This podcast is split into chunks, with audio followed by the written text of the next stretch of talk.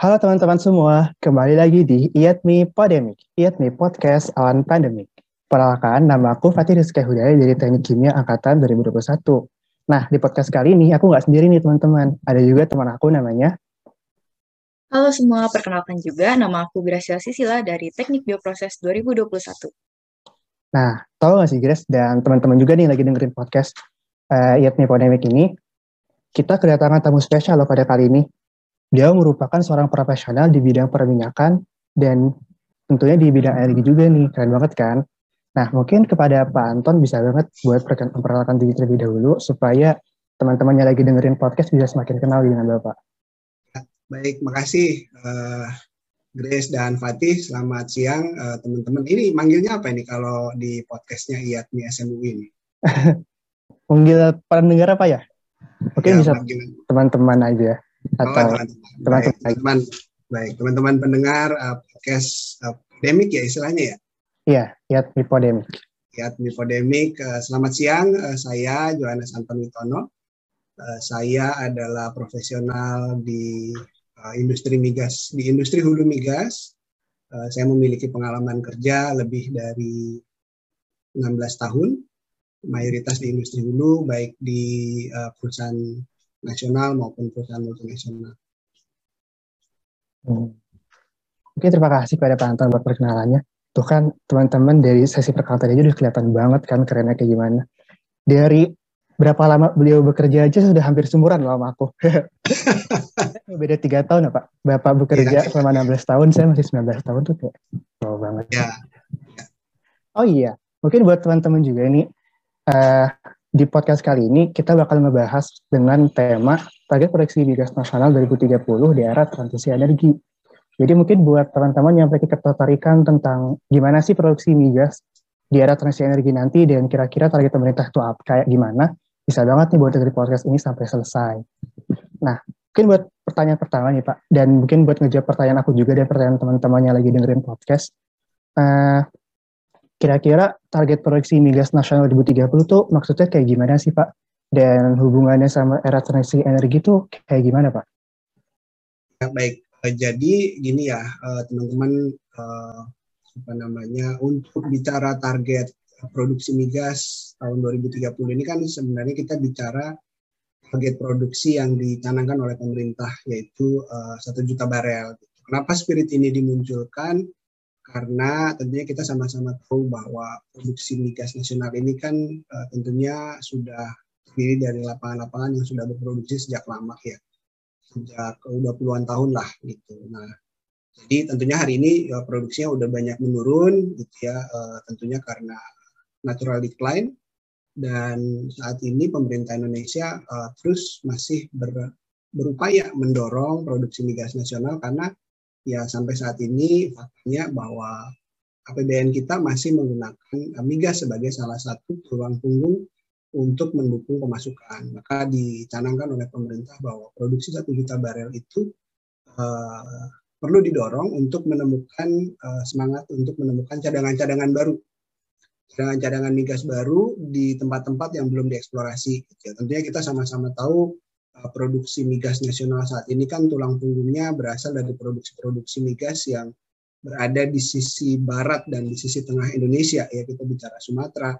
Uh, dari zamannya uh, Lokrokan kemudian kita bicara di tengah ada ada Blok Mahakam gitu ya. Lalu di sisi Pulau Jawa sekarang yang tulang punggungnya adalah dari Blok Cepu misalnya.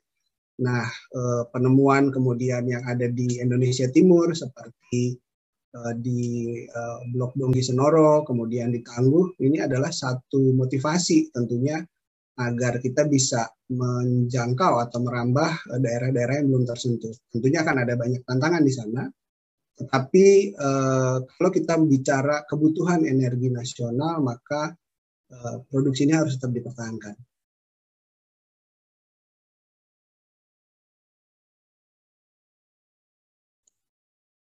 Baik, Pak. Uh, terima kasih atas jawabannya tadi mengenai uh, target produksi migas nasional sendiri ya, Pak. Uh, dan kalau kita bicara tentang target produksi migas kan juga uh, di tema kita kali ini kita juga membicarakan mengenai era transisi energi ya Pak. Kalau menurut Bapak sendiri, kira-kira bagaimana sih Pak perkembangan dari era transisi energi ini di masyarakat Indonesia sendiri? Ya, jadi um, transisi energi sebenarnya adalah sebuah tantangan atau kita bilang sebuah tren uh, dunia gitu ya, tren global bahwa uh, sebuah kesadaran uh, dunia, negara-negara di dunia bahwa dengan adanya um, apa, uh, pemanasan global, uh, iklim, perubahan iklim dan seterusnya, maka uh, didorong untuk melakukan transisi energi. Bahwa kita di masa lalu dan saat ini masih mengandalkan energi fosil sebagai salah satu tulang punggung, maka didoronglah si transisi energi agar uh, salah satunya kita berupaya supaya uh, kenaikan suhu bumi di atas 1,5 derajat Celcius itu jangan sampai terjadi. Kita berusaha menekan. Kenapa? Karena ya tentunya dari hasil penelitian sudah sama-sama diketahui apabila kita melewati 1,5 derajat Celcius itu dampaknya luar biasa ya terhadap kehidupan di bumi ini. Gitu. Maka negara-negara uh, di dunia mau tidak mau harus sama-sama mendorong adanya transisi energi. Nah ini yang kemudian membuat eh, terobosan-terobosan dari sisi um, industri uh, energi terbarukan tentunya kita bilang atau industri energi bersih karena uh, dengan uh, dengan dorongan seperti itu dengan semua bergerak bersama tentunya ini akan mendorong uh, lahirnya inovasi lahirnya teknologi dan kemudian juga mendorong turunnya biaya-biaya ya kita bicara uh, contoh lah kita bicara industri uh, energi surya gitu ya. Dulu mungkin mahal atau baterai, dulu mahal gitu ya. Sekarang karena uh, didorong beramai-ramai gitu ya, mass production sudah mulai terjadi. Ya, mau tidak mau biaya-biaya itu mulai turun sehingga uh, masyarakat juga mulai bisa menerima untuk uh, mulai berpindah atau beralih. Di sisi lain uh, tentunya kesadaran ya kita bicara kesadaran masyarakat. Ini menarik sih karena kebetulan di rumah saya juga saya udah pakai uh, apa namanya panel surya atap gitu sejak 2019 lah saya mulai pakai dan udah terasa sih manfaatnya. Gitu. Oke, baik. Keren banget nih Pak kalau di rumahnya udah pakai panel surya gitu kan. Kayak bahkan di gedung-gedung besar aja banyak yang belum pakai gitu. Tapi Pak Anton udah ada gitu di rumahnya. ya, udah keren gitu. Betul, betul. Jadi uh, sebenarnya uh, saya dulu pasang itu juga motivasinya awalnya sih untuk belajar. Saya, saya, saya pengen belajar seperti apa sih uh, uh, menggunakan energi surya itu gitu. Dan ternyata dari situ juga akhirnya uh, mungkin beberapa pertanyaan orang mengenai kalau orang bertanya seperti apa sih energi pakai panel surya, manfaatnya seperti apa? Ya sedikit banyak. Satu saya bisa menjelaskan.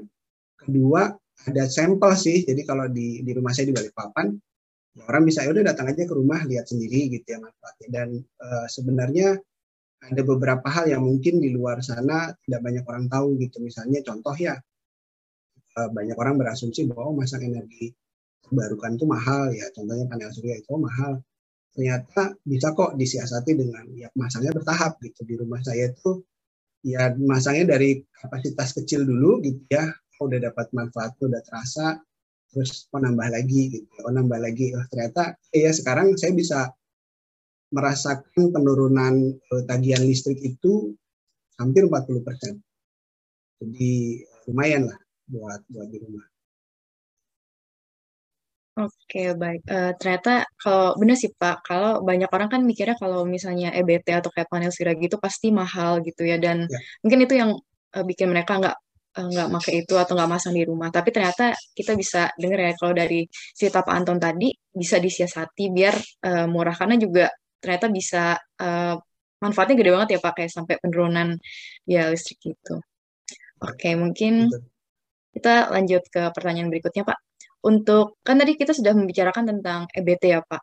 Dan hmm. kira-kira hmm. menurut Bapak nih ya di tengah uh, isu transisi energi sekarang ini, kira-kira apakah sektor hulu migas ini akan ditinggalkan, Pak, dan orang-orang ini bakal beralih ke EBT? Um, ya, jadi kalau menurut saya gitu ya, dan saya coba ikuti di beberapa webinar juga oleh uh, banyak pakar gitu ya baik dari dari kacamata praktisi uh, atau profesional uh, industri hulu migas maupun mereka yang ber, uh, beraktivitas atau sekarang berada di industri um, energi terbarukan gitu. Menurut saya enggak karena um, satu tentunya kita butuh yang namanya transisi itu sebabnya makanya disebut ada namanya transisi energi gitu ya. Kita enggak serta merta uh, dari A langsung jadi B gitu ya. Mungkin akan ada A kecil, B kecil dulu, baru kemudian jadi B gitu ya. Tapi menurut saya dalam uh, dalam pengamatan saya juga, menurut saya sih industri hulu migas tetap dibutuhkan. Kenapa? Karena yang namanya energi kan kita butuh bukan cuma bersih saja. Kita butuh kalau di Indonesia menganut filosofi saya lupa gitu ya, tapi menganut filosofi bahwa energi itu harus uh, aksesibel, uh, kemudian juga affordable, gitu ya. Uh, saya lupa ada satu lagi.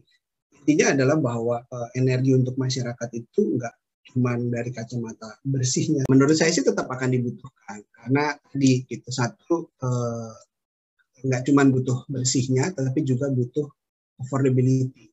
Cuma kita punya energi bersih kalau tidak terjangkau oleh masyarakat. Gitu ya. Itu pertama. Yang kedua juga bahwa uh, migas itu tidak bicara soal power saja. Jadi mungkin uh, sebagian daripada kita bicara hari ini kan uh, energi terbarukan ya macam-macam ya. Ada yang bisa jadi power gitu ya, misalnya contohnya uh, wind, angin, matahari gitu ya. Tapi juga ada yang sudah bisa sebagai bahan bakar gitu ya. Misalnya kita bicara biofuel, green diesel misalnya. Di sisi lain juga ada yang misalnya dia power gitu untuk dari biomasa misalnya gitu. Nah, sedangkan uh, migas ini kan tidak melulu dipakai untuk keperluan listrik ataupun bahan bakar gitu ya. Migas ini masih diperlukan juga untuk uh, kebutuhan kita bicaranya petrokimia misalnya. Nah, industri petrokimia ini sudah melekat sekali dengan kehidupan kita sehari-hari ya, bikin plastik, kemudian kebutuhan kita untuk aspal, kebutuhan kita untuk uh, pelumas gitu. Nah itu itu saat ini ya tentunya masih masih mengandalkan dari dari si uh, minyak dan gas bumi gitu karena uh, secara biaya, secara teknologinya sudah sudah mature, sudah jadi, kita sudah sudah tersedia saat ini. Ya, jadi itu itu akan tetap dibutuhkan. Maka uh, itu namanya transisi energi gitu ya. Kemudian dari industri hulu migas sendiri juga saat ini uh, sudah sudah ditantang untuk menurunkan emisi mereka. Jadi uh, tidak seperti zaman dulu kali ya. Sekarang pun kesadaran kami atau para pelaku-pelaku industri hulu migas sekarang juga dituntut untuk bagaimana kita bisa atau kami bisa beroperasi lebih hijau gitu ya. Contoh mengurangi um, mengurangi gas gas suar gitu ya atau flare gas bagaimana kita mengurangi emisi-emisi dari mesin-mesin uh, yang kita pakai di, di, di di plan kita gitu ya. Jadi sebenarnya uh, ini kolaborasi sih. Jadi nggak nggak melulu bicara soal oh 100% harus shifting gitu ya ke ke industri atau energi terbarukan. Baik, berarti kalau dari jawaban Pak Anton tadi, uh, industri migas ini kan sudah sangat lekat ya Pak di masyarakat. Jadi nggak mungkin langsung hilang gitu saja dan terganti sama EBT ya. Dan juga sekarang industri migas tuh berarti sudah mulai uh, lebih uh, clean gitu ya Pak, kayak mulai memperhatikan emisi dan sebagainya. Uh, baik. Kalau gitu untuk pertanyaan berikutnya ya mungkin uh, dari sedikit dari sisi ekonomi Pak. Uh, dan ini menurut pandangan Bapak saja, Bapak sebagai profesional di bidang migas sendiri, menurut Bapak bagaimana sih Pak perbandingan investasi di sektor EBT dengan investasi di sektor energi fosil sendiri? Uh, ini agak susah ya kalau nggak lihat data ya. Dan bicara ekonomik ini kan bicara scale ya, skalanya kita harus harus apple to apple nih gitu. Jadi uh, agak agak sulit untuk untuk bicara ekonomi membandingkan industri migas dan uh, industri EBT dalam konteks karena kita nggak tahu nih kita bicaranya membandingkan apakah kita bicara membandingkan uh, scale-nya, apakah aplikasinya gitu ya kita bicara listrik uh, migas jadi listrik EBT tentunya listrik gitu ya atau uh, keperluan yang lain gitu. Cuman kalau kita bicara gini ya, um, dari sisi teknologi gitu ya, kan tentunya karena industri migas ini sudah lebih dulu uh, mature gitu ya sudah sudah lama ya hari ini memang uh, tentunya lebih lebih mungkin akan jauh lebih lebih terjangkau ya daripada mungkin industri EBT yang uh, apa namanya yang relatif masih baru. Tapi balik lagi industri EBT pun beda-beda gitu ya. Yang yang sudah jelas turun banyak itu adalah mungkin di salah satu webinar atau di salah satu referensi yang saya pernah baca uh, membandingkan misalnya um, apa namanya uh, industri baterai dengan solar panel versus misalnya kita bicaranya kayak uh, misalnya untuk migas atau ya sebutlah misalnya batu bara gitu. Ada referensi menyebutkan bahwa ya udah lebih murah memang untuk tapi kan case lagi gitu ya. Kita bikin di mana? Kita masang solar panel di Jawa dengan kita masang solar panel di Papua, itu akan beda juga gitu kan ya harganya. Gitu. Baterai juga kita ngangkut sampai ke sana. Gitu. Baterainya fabrikasi di Indonesia apa impor itu juga akan beda. Jadi uh, luas sekali sih kalau teman-teman bertanya ekonomi karena variabelnya harus disandingkan secara setara baru kita bisa berhitung. Itu sih.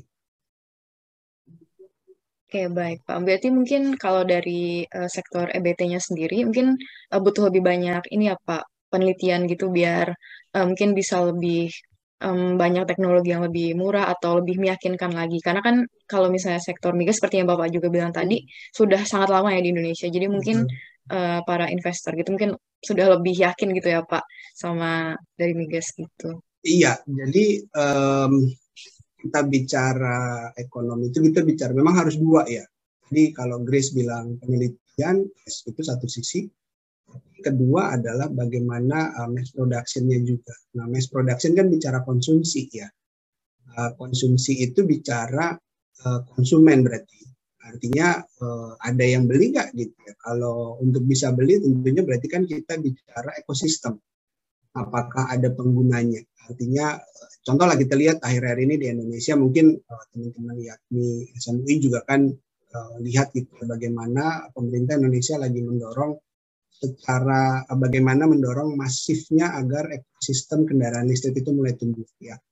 Nah ini kan menjadi satu terobosan. Kalau itu nggak didorong maka ya bat, industri baterai nggak akan akan berkembang gitu ya. Kalau nggak ada konsumsinya kemudian orang tidak akan meriset bahwa oh ternyata kita butuh baterai yang model begini. Oh ternyata baterai yang model ada saat ini ternyata mungkin daya pakainya tidak kurang lama gitu ya misalnya. Oh tidak exchangeable misalnya. Nah itu itu dengan begitu itulah uh, si uh, penelitian tadi akan terdorong untuk di satu sisi dia melahirkan inovasi baru, kemudian dipakai oleh dikonsumsi. Jadi kalau yang pakai sedikit ya tentunya nggak akan ketemu gitu ya keekonomiannya kalau kita lihat sekarang itu yang paling contoh paling real ekosistemnya itu ya. Kita lihat yang pertama adalah penerapan panel surya atap di mana uh, pemerintah mulai mendorong uh, insentif gitu ya adanya insentif melalui berbagai uh, skema gitu ya uh, misalnya lewat dana-dana hibah gitu ya, atau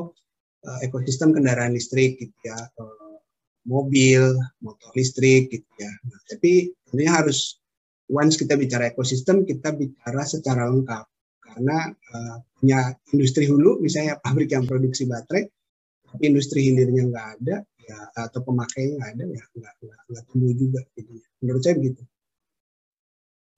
Oke, baik. Terima kasih, Pak. Dan ini kan tadi sempat menyinggung uh, peran pemerintah juga gitu ya, Pak. Uh, dan memang peran pemerintah itu penting ya, Pak, buat uh, EBT dan migas ini sendiri. Dan kalau menurut Bapak sendiri juga nih, Pak, kira-kira apa sih Pak yang bisa pemerintah itu lakukan untuk uh, meningkatkan kesadaran masyarakat nih Pak tentang uh, si isu transisi energi ini?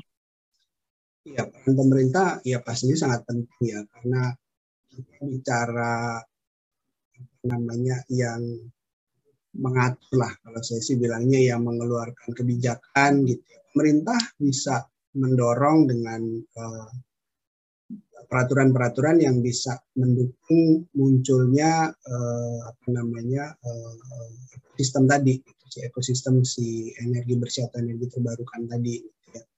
Nah tentunya tadi untuk menyeimbangkan misalnya oke okay, karena uh, teknologi energi terbarukan masih mahal supaya masyarakat bisa terima ada nggak nih pemantiknya gitu kan supaya oh kalau saya pakai ini saya bisa dapat keringanan itu misalnya ya. Itu yang kita bilang sebagai insentif gitu ya. Kemudian uh, misalnya uh, buat kalau kita menggunakan uh, sama lah sebenarnya kita bicara industri migas juga.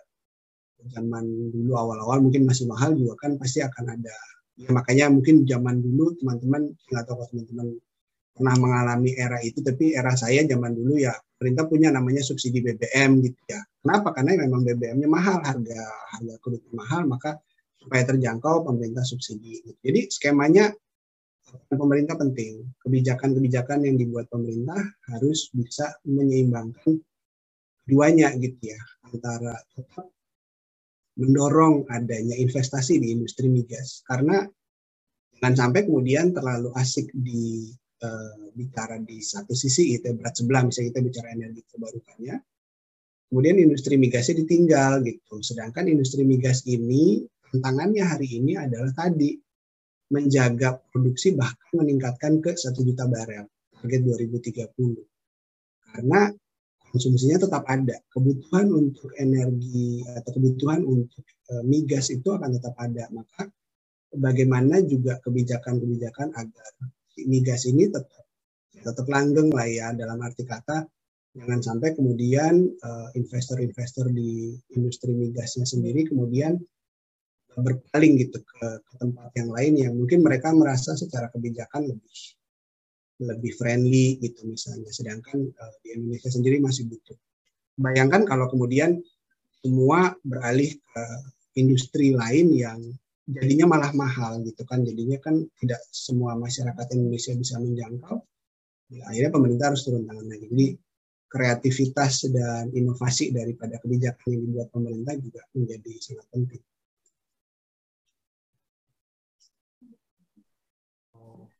Nah, mungkin pertanyaan selanjutnya Pak. Ya, kan aku juga sempat baca-baca juga nih Pak. Uh, kalau yang dari aku baca, Indonesia ini sekarang lagi sedang ada di fase pertama dari era transisi energi itu sendiri kan Pak. Hmm. Yang mana di tahun 2025 nanti akan masuk ke fase kedua. Ya.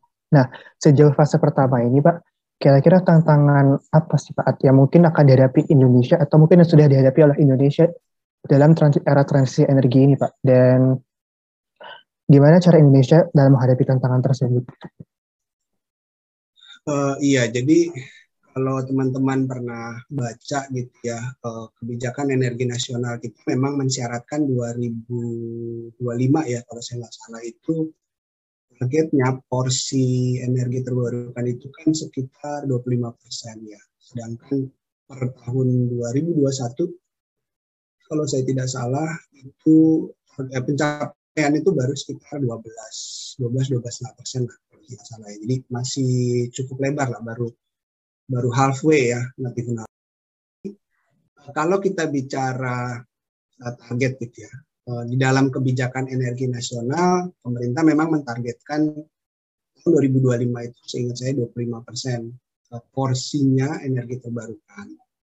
Sedangkan ingat saya juga pencapaian tahun 2021 itu adalah baru sekitar 12 persen ya 12 12,5 gitu kali ya jadi artinya masih paruh jalan sedangkan kita cuma tersisa tiga tahun ke depan. Nah, itu satu tantangannya gitu ya. Eh, kita bicara kalau kita mau mencapai target ya kita harus dorong dengan masif gitu. Makanya eh, akhir-akhir ini kalau teman-teman perhatikan pemerintah mulai banyak mengeluarkan kebijakan-kebijakan yang eh, memang mendorong atau memberikan insentif untuk mendorong tumbuhnya industri energi terbarukan gitu ya. Mulai dari yang uh, dari yang mungkin cukup sudah bisa diterima tadi uh, energi surya gitu ya sama uh, baterai karena kita kan sudah mulai membangun pabrik baterai sendiri ya di Indonesia.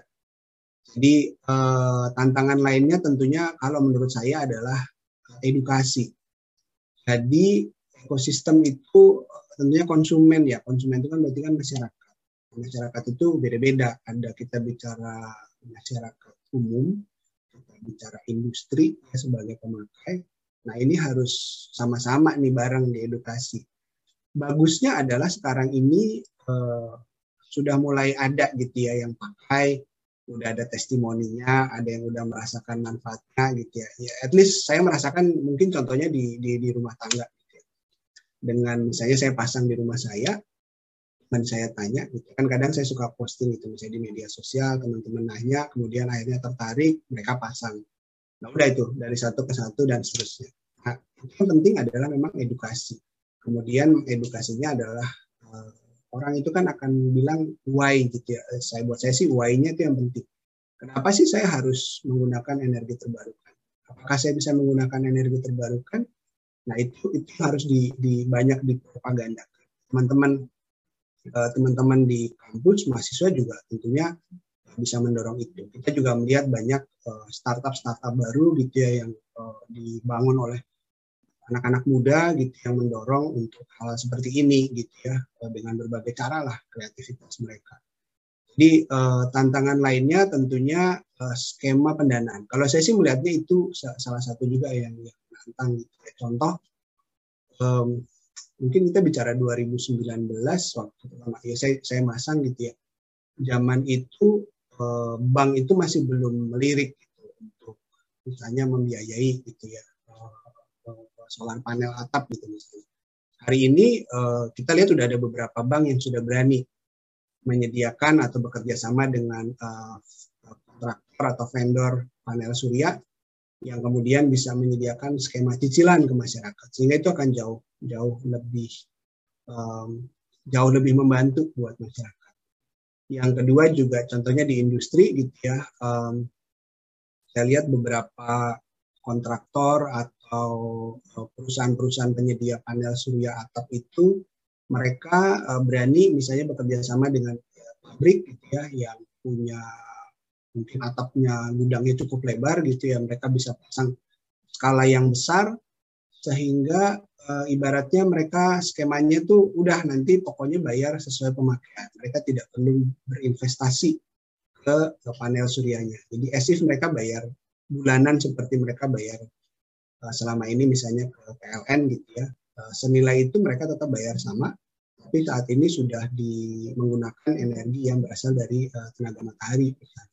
Nah itu udah udah mulai banyak pilihan-pilihan seperti itu. Tapi ya itu tadi berarti kan kita bicara tantangan adalah pendanaan gitu. Itu kalau kita bicara eh, tantangan lainnya adalah di Indonesia ini geografis kalau menurut saya. Uh, kebetulan saya punya pengalaman uh, ya out of office ya di luar di luar pekerjaan kantor saya. Saya punya pengalaman juga membantu uh, memasangkan panel surya di uh, di dua gereja di Kalimantan Timur, yang satu kebetulan agak remote di daerah Kutai Timur sana, kira-kira 12 jam lah dari Balikpapan, di mana PLN itu belum masuk. Gitu. Kemudian eh, yang satu lagi misalnya di Penajam. Di sisi lain saya juga pernah membantu masangin instalasi biogas misalnya. Nah itu tantangan juga geografis karena kita bicara mobilisasi material, mobilisasi eh, panel suryanya, mobilisasi Eh, material untuk bikin instalasi biogas misalnya itu kan ya semakin jauh akan akan menghabiskan biaya besar juga untuk hanya untuk logistik saja gitu ya. Belum lagi nanti mengedukasi masyarakat di sana tentang cara pemakaian. Jadi walaupun sebutlah bicara panel surya atap uh, pemeliharaannya mungkin tidak terlalu sering-sering gitu ya, tapi tetap aja pada saat misalnya bicara penggunaan baterai gitu ya. Uh, waktu itu zaman di mana uh, baterai untuk panel surya itu belum se sebagus hari ini gitu kali ya. Ya saya menyediakan untuk di daerah Kutai Timur di gereja di Kutai Timur itu di mana ya kalau masyarakat di sana ibaratnya telat untuk nge-refill atau ngisi lagi uh, cairan untuk baterainya ya akhirnya baterainya jadi rusak. Sedangkan untuk penggantian baterai juga tidak mudah. Nah, bayangkan di daerah-daerah yang lebih ke timur gitu ya di Nusa Tenggara di uh, di pulau-pulau ya di kepulauan itu itu juga menjadi satu tantangan. Bagaimana uh, bisa membangun hub-hub atau tempat-tempat uh, yang bisa menjadi apa ya cabang gitu ya gudang untuk bisa memasifkan distribusinya itu bisa benar-benar sampai ke daerah-daerah yang pelosok juga. Itu sih. Eh, tantangan terakhir menurut saya tadi ya kita sudah sempat saya singgung adalah bicara kompetensi daripada sumber daya manusia itu sendiri. Jadi uh, perlu lebih banyak uh, pelatihan, training ya tentunya itu harus barengan ya antara melatih orang sama um, aplikasinya ada gitu. Kita nge-training orang, melatih orang, tapi kemudian misalnya di di daerahnya dia belum ada percontohan proyek-proyek energi terbarukan juga nggak akan jalan gitu. Jadi ya ilmu kan kalau nggak dilatih jadinya lupa ya. Gitu. Oh, jadi kalau misalkan boleh saya ulang, berarti tadi itu tantangannya kurang lebih ada empat ya Pak. Ada edukasi, dari pendanaan, dari geografis daerahnya, dan terakhir dari sumber daya juga Pak ya. ya. Hmm.